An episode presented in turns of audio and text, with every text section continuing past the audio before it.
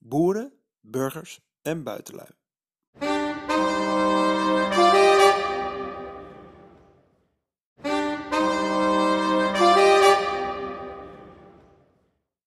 Aan alles komt een einde, zo ook aan twistende Friezen en Franken en plunderende Noormannen. Circa duizend jaar na het begin van onze jaartelling en zo'n vijf eeuwen na de val van het Romeinse Rijk keerde vrede, rust en een centraal gezag terug. De graaf van West-Friesland schoof op de voorgrond en hij vestigde zijn machtscentrum aan de Rijn.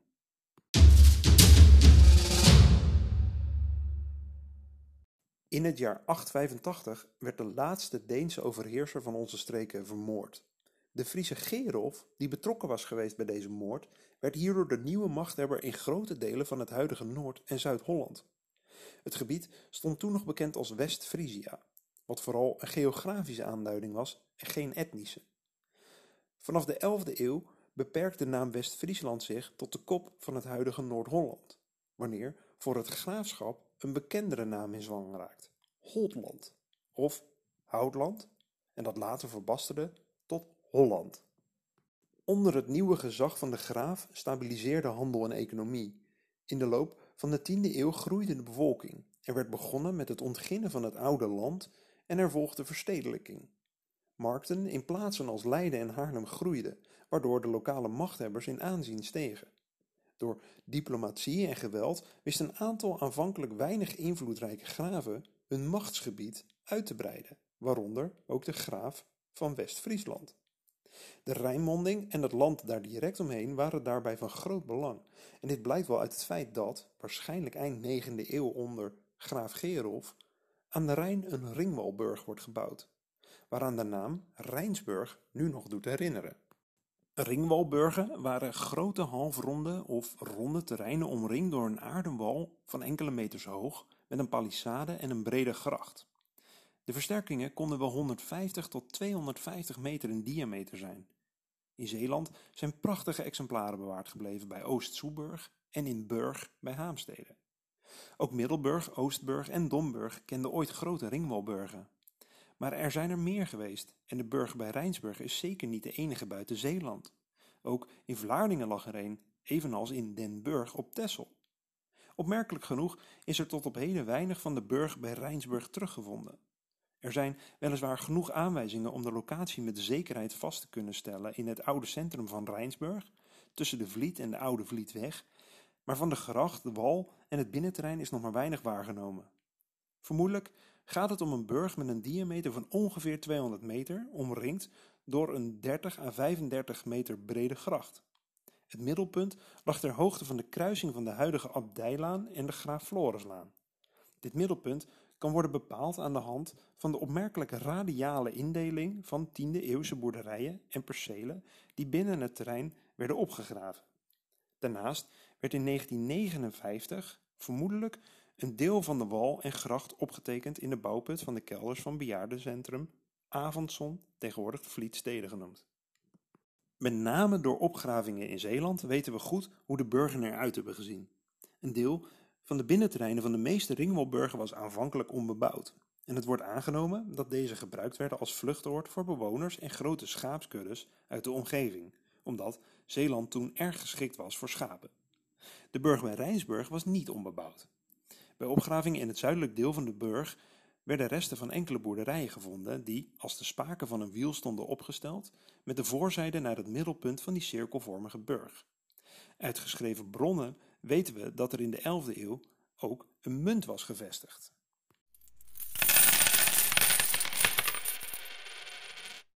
De munt bij Rijnsburg is toe te schrijven aan Dirk IV, die graaf was tussen 1039 en 1049.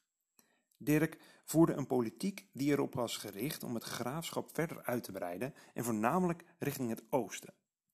Deze expansie werd niet door iedereen op prijs gesteld en onder meer niet door de bisschop van Utrecht en de keizer van het Heilige Roomse Rijk, met wie de graaf het dan ook aan de stok kreeg.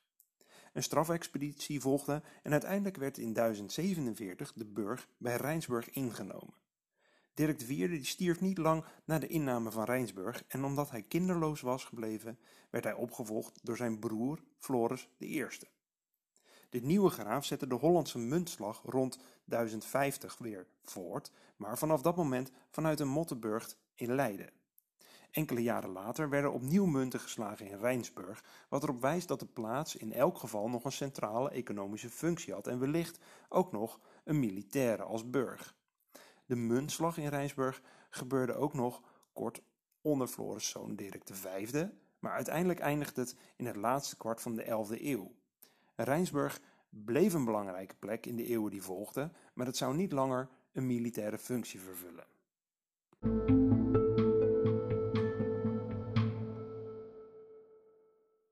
De graaf van Holland had naast de militaire steunpunten in Rijnsburg en Leiden ook bestuurscentra van landbouwcomplexen in bezit. Als formele bezitter van grote stukken land in de Duinen-Bollenstreek moest hij ook zorgen voor het beheer ervan. En de graaf richtte daarom hoven of domeinen in van waaruit het omringende land door ondergeschikte boeren werd bewerkt. Grond die niet in bezit van de graaf was, behoorde doorgaans tot de lagere adel of tot de kerk. En ook deze grond werd georganiseerd in hoven. Vaak was de bewoner ervan een ministeriaal, die aanvankelijk een ondergeschikte was van de graaf of de bisschop. De bewoner kon ook een zogeheten leenman zijn. Dit waren vaak weer vrije lieden die hun eigen bezit als ridder opdroegen aan de graaf als een politiek statement.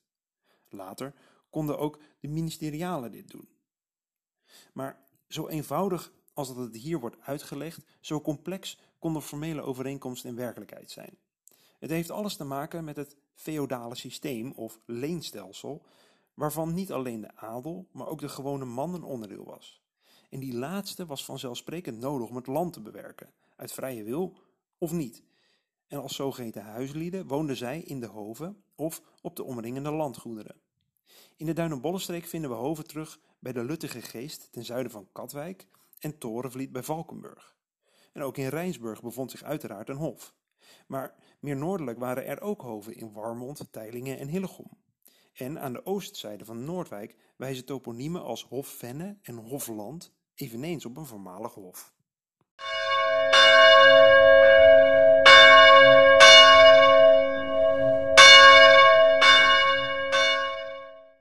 De adel was niet de enige partij die het politiek en economisch voor het zeggen had. Ook de kerk had grote invloed. En zo ook in de Duinenbollenstreek, waar al in de loop van de 8e eeuw de eerste kerken en kapellen werden gesticht door de lokale adel. Deze droegen de kerken voor hun eigen zielenheil vaak over aan de kerkelijke instanties, samen met enig grondbezit ter ondersteuning. De kerk was daarmee ver voor de graven van Holland al grondbezitter in de streek. Opgravingen in het centrum van Rijnsburg wijzen erop dat de lokale adel ook hier al tegen het eind van de 8e eeuw een kapel had gebouwd. Pas eeuwen later wordt deze kapel genoemd in een historische bron, waaruit blijkt dat zij administratief onder de moederkerk van Oegstgeest viel.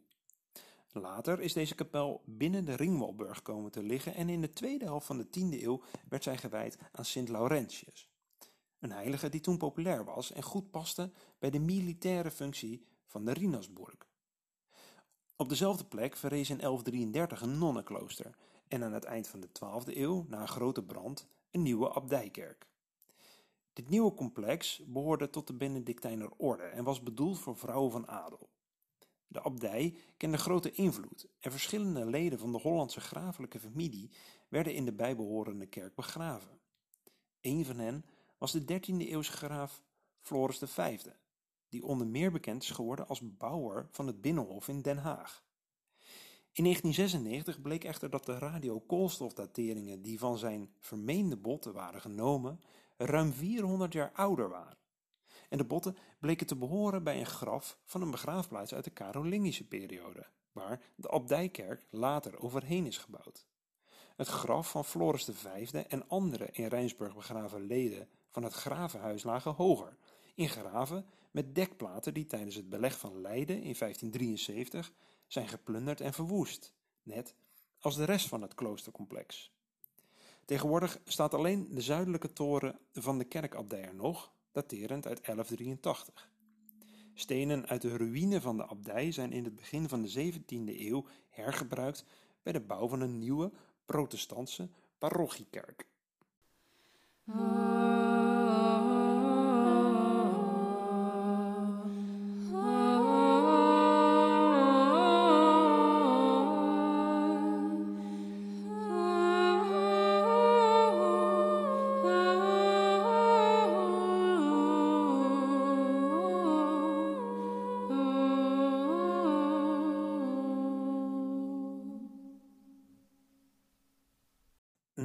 dat van Rijnsburg hadden ook andere abdijen of kloosters invloed in de Duin- en Bollenstreek.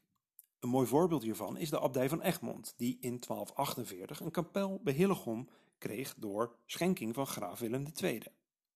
De kapel was toen vermoedelijk al ruim een eeuw oud.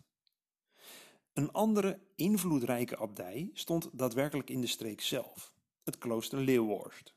In 1261 stelden de zonen van de overleden ridder Walewijn van Alkemade al hun bezittingen in Noordwijk en het noordelijker gelegen Langeveld beschikbaar aan dit nieuw te stichten klooster.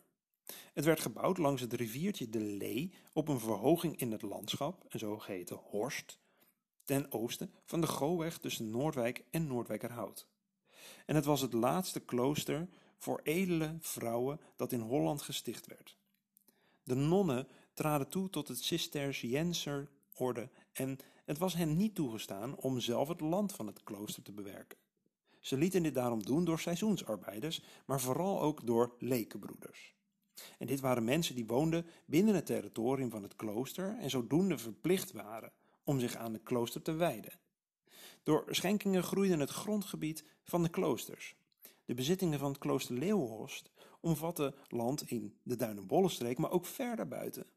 In het zuidwesten van Den Haag bijvoorbeeld werd rond 1275 een boerderij gebouwd als zogeheten Uithof van het klooster. De naam De Uithof doet hier nu nog aan herinneren. Dergelijke uithoven dienden als economisch productiecentrum voor het abdijbezit in de ver van het klooster gelegen gebieden. In 1573, tijdens het beleg van Leiden, is de abdij gesloopt. De restanten werden in 1586 verbouwd tot een buitenplaats. Nadat ook die in verval was geraakt, zijn de fundamenten van het gehele complex rond 1800 uitgegraven.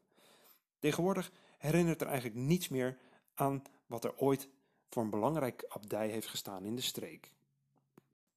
In Warmond stonden ooit twee kloosters: het mannenklooster Marienhaven en het vrouwenklooster Sint Ursula. Het vrouwenklooster had geen eigen kerk, maar maakte gebruik van de naastgelegen Sint Matthiaskerk. Deze was via een ondergrondse gang voor de nonnen bereikbaar. Tegenwoordig is ook het klooster verdwenen en staat van de oude kerk eigenlijk alleen nog de oude toren overeind. Vroege vermeldingen van de kerk stammen al uit het eind van de 12e eeuw en met zekerheid bestond er al in 1314 een kerk gewijd aan Matthias. De toren is op grond van het formaat van de bakstenen, de zogeheten kloostermoppen, het oudst. De basis ervan dateert al uit de 13e eeuw. Het schip en koor gaan terug tot de 16e eeuw. Opmerkelijk is overigens ook de begraafplaats in en rondom de kerkruïne, waarvan de grafstenen terugvoeren tot de 14e eeuw. Onder meer de in 1394 overleden Jacob van der Woude, heer van Warmond, ligt hier begraven. Vermoedelijk zijn zowel de toren als het schip en koor meermalen herbouwd. Aan een herbouw in de 17e eeuw in opdracht van de ambachtsheer, admiraal van Wassenaar, herinnert nog de vergulde windvaan in de vorm van een admiraalschip. Het koor werd aan het eind van de 16e eeuw hersteld in opdracht van de heer van Warmond, nadat ook deze in de Tachtigjarige Oorlog was verwoest. In 1874 werd het koor afgebroken toen een nieuw kerkgebouw aan de Herenweg werd betrokken. In de late middeleeuwen werden op meerdere plekken in de Duinenbollenstreek vanuit de moederparochies nieuwe kerken gesticht. Zoals in de 14e eeuw een kapel in het Langeveld, omstreeks 1250 een kapel in Lisse. Schriftelijke bronnen vermelden in het jaar 1224 een leprozenkapel in Katwijk aan de Rijn, gevolgd door een kapel naast het gasthuis aan het eind van de 13e eeuw. En niet lang nadat het klooster Leeuwenhorst werd gesticht, werd in het nabijgelegen Noordwijkerhout een kerkje gebouwd. Met de komst van deze witte kerk rond 1300 werd Noordwijkerhout kerkelijk onafhankelijk van de moederparochie van Noorteke, Noordwijk. Bij een recente opgraving op het voormalig kerkhof rond de Witte Kerk zijn vooral graven uit recenter tijd aan het licht gekomen. Opgravingen aan de naastgelegen Dorpstraat hebben sporen van bewoning uit de late middeleeuwen opgeleverd. En het gaat onder meer om kuilen en waterputten waaruit aardewerk uit de 14e eeuw kon worden verzameld.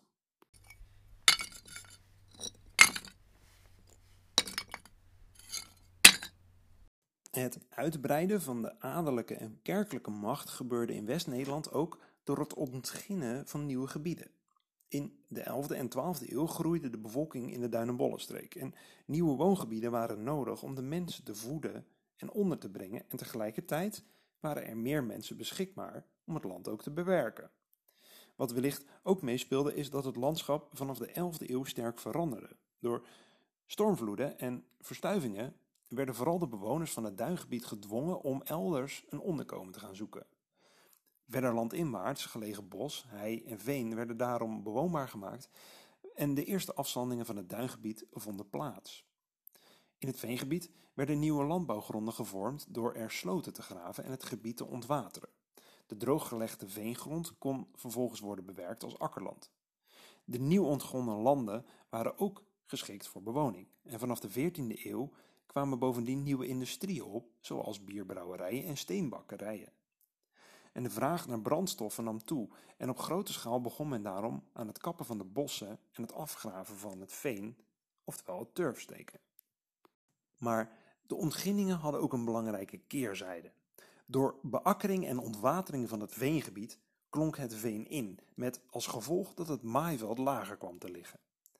Toen de ingeklonken landerijen nog verder werden afgegraven tot ruim onder het grondwater, ontstond er grote wateroverlast.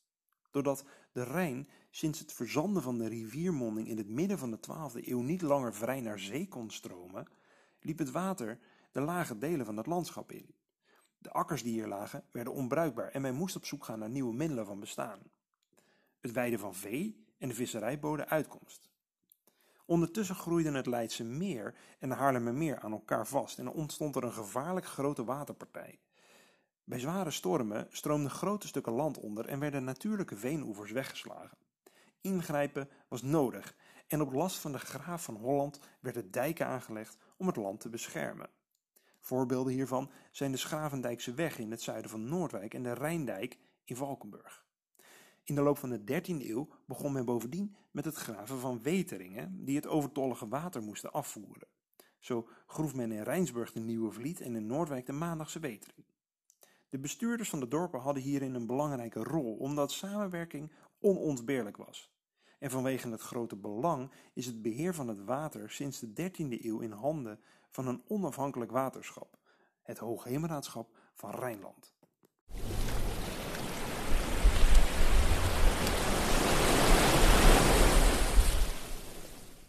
Hoewel er constant strijd geleverd werd met het water in de streek, bood datzelfde water met enkele aanpassingen ook kansen.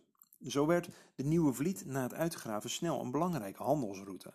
Verschillende boerderijen werden langs de Vliet gebouwd en het vele water rondom de Duilenbollenstreek werd uiteraard ook gebruikt voor visserij.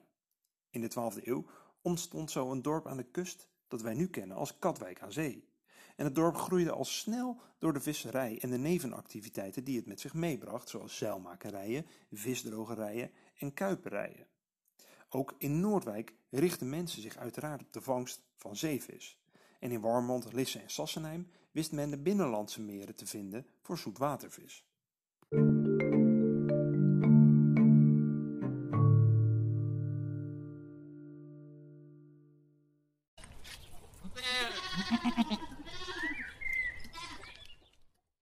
Middeleeuwse samenleving was vooral een agrarische. Zowel op de landgoederen van de adellijke en kerkelijke hoven als in de vrije nederzettingen stonden boerderijen. En de gebouwen waren in uiterlijk veelal een voortzetting van de vroegmiddeleeuwse tradities. Een nieuwe ontwikkeling die zich langs de kust voordeed, is dat een aantal gebouwen een wat taps toelopende vorm kreeg, met het smallere deel naar het westen gericht. Vermoedelijk trachtte men zo de overheersende windrichting het hoofd te bieden en de levensduur van de boerderijen wat te verlengen. Een andere ontwikkeling die vooral in de 14e eeuw plaatsvond, is de bouw op stiepen of poeren. Niet langer werden de dakdragende palen van de houten skelet van het gebouw in de grond ingegraven, waar ze na verloop van tijd ook wegrotten, maar op kleine bakstenen funderingen geplaatst. Deze bouwwijze had vooral voordelen in de nattere ondergronden, maar werd ook op de zandbodem van de strandwallen toegepast. Het is een nadelige ontwikkeling voor archeologen, omdat deze constructiewijze geen of nauwelijks grondsporen nalaat. En net als in de eeuwen ervoor was ook het middeleeuwse boerenbedrijf gemengd. In de strandwallen bevond zich gras en hooiland en weide men de veestapel. Ook in de komgronden langs de Rijn kon vee worden geweid. Direct rond de boerderijen lagen moestuinen en op de flanken van de strand- en oeverwallen bevonden zich de akkers. Het bewerken van die akkers gebeurde in de middeleeuwen met een keerploeg die al door de Romeinen in ons land werd geïntroduceerd. In tegenstelling tot het eergetouw keerde deze ploeg de gescheurde zoden ook om, waardoor de bodem losser en luchtiger werd en de zaden er beter in kiemden. Akkerbouw werd daardoor efficiënter en dat paste bij de groeiende vraag. Een deel van de opbrengsten vond zijn weg naar de markten in het dorpscentra. Hier woonden vooral ambachtslieden, zoals smeden, timmerlieden, leerlooiers of schoenmakers, die er eveneens hun producten of diensten aanboden. Handelaren en marskramers trokken door de streek van dorp naar dorp. Verschillende handelsroutes of heerwegen over de strandwallen zijn tegenwoordig nog in gebruik. De oude benaming is vaak nog overgeleverd, zoals het geval is met de Herenweg in Lisse en de Herenweg in Noordwekkerhout. Deze zuidwest-noordoost georiënteerde routes zijn de oudste wegen door de streek. Ongetwijfeld gaat een aantal ervan zelfs terug tot in de prehistorie, al is dat tot nu toe nog niet archeologisch aangetoond. Zeker is wel dat de huidige dorpskernen langs die oude handelsroutes zijn ontstaan. En de meeste dorpen van nu werden dan ook in de vroege middeleeuwen al voor het eerst genoemd.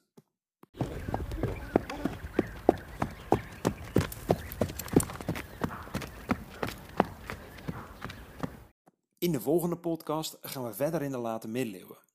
We leren hoe de dorpen hun plaats innemen in de streek en ook hoe de streek ooit rijk was aan kastelen.